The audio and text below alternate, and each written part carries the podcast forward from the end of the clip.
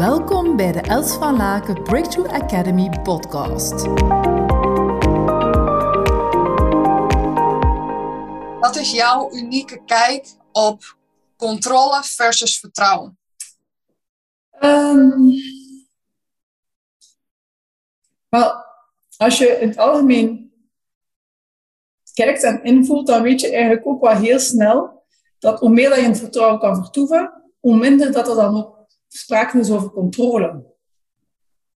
Want als je, het, als je jezelf vertrouwt, als je andere mensen vertrouwt, dan is er minder behoefte aan controle.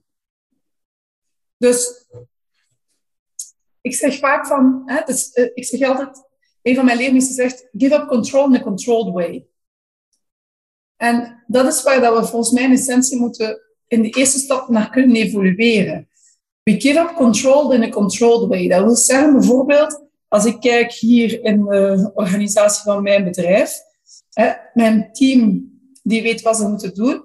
Ja? Maar ik zal bijvoorbeeld, eh, als ik dan kijk naar het werk dat wij vroeger samen deden met copywriting, hè, dan ga ik zeggen, oké, uh, doe maar. Dit is de briefing, doe maar. Dit, uh, moet je zoveel mails of, dit, of zoveel posts. En dan vervolgens ga ik nog een keer doorlopen en dat zit. En hier en daar zeggen, die post wel, of, maar dat zit. En voor de rest laat ik dat gewoon helemaal los.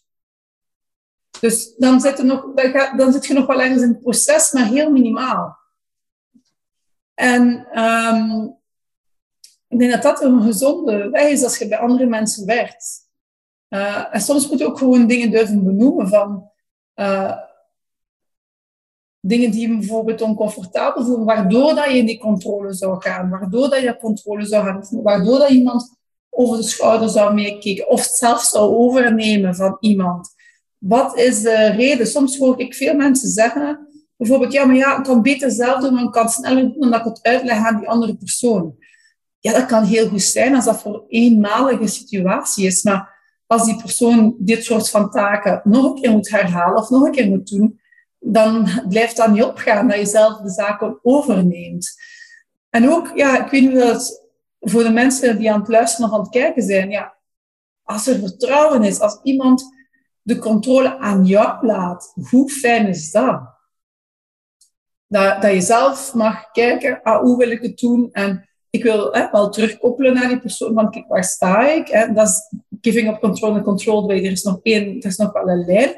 Of bijvoorbeeld, het is alleen maar op het moment dat, uh, dat mensen iets willen, uh, een akkoord of zo willen, of zelfs misschien helemaal niet, dat er nog een controle is ik vind dat zelf veel toffer als ik zo kan functioneren met, met anderen. Dat is al voor mij heel duidelijk. Ik, ik werk eigenlijk het liefst van en gewoon vanuit dat vertrouwen. En just, this is the briefing, just go.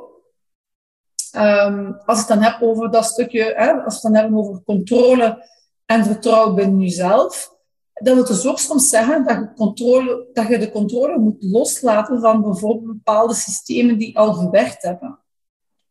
Ik heb hans mijn leven eigenlijk geleefd, als het dan over mezelf gaat. Hè. Met mijn twaalf jaar ben ik, heb ik besloten, ik ga echt niet in dezelfde armoede leven als mijn, als mijn ouders geleefd hebben. En ik ga ook niet uh, in de alcoholisme terechtkomen van mijn moeder. Dus ik ben toen heel hard beginnen werken en ik had toen dingen onder controle, want als ik studeerde, dan behaalde ik resultaat. Als ik niet studeerde, ja, dan had ik niet zo goede punten. Dus als ik wou afstuderen, als ik in die richting wil blijven en niet naar beneden gaan, dan moest ik zorgen dat ik studeerde. Dus dat was helder. En zo is dat eigenlijk heel lang op, in alles eigenlijk super helder geweest. Van, als ik dat doe, dan krijg ik dat.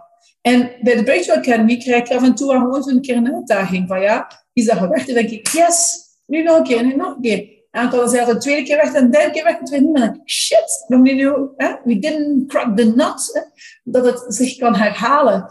En ja, like goed, nu hè, zitten met die prijsstijging zitten weer bepaalde ondernemers en zelfstandigen in de kamp om te investeren in zichzelf. You just have to go with flow op zo'n moment. Hè. En dat is niet, ik vind dat ook zelf niet altijd zo evident. En dan in dat vol vertrouwen te gaan van it's going to be all, uh, it's going to all right. And it is okay. Want nu mogen we niet vergeten om ook stil te staan bij want nu zouden we dan kunnen denken, ah ja, oké, okay, Els heeft toch geen vertrouwen in Breakthrough Academy of zo. What, what the hell is talking about? Dus laten we zeggen dat er uh, binnen een organisatie waarschijnlijk 85% vertrouwen is. Op één bepaald aspect is er wat. Ik ga niet noemen wantrouwen, het is niet wantrouwen. Het is dat een stukje in mezelf, mijn inner child, nog niet gelooft te volle dat alles zomaar naar mij toe komen zonder hard te werken. Dus dat is nog een stukje van mijn eigen trauma dat ik nog uh, door te gaan heb. Omdat ja, vergeet mijn verhaal niet naar juist. Vanaf mijn twaalf jaar ben ik gewoon hard aan het werken. Dus dat is wat ik ken. Als ik hard werk, als ik systemen toepas, dat ik resultaten heb.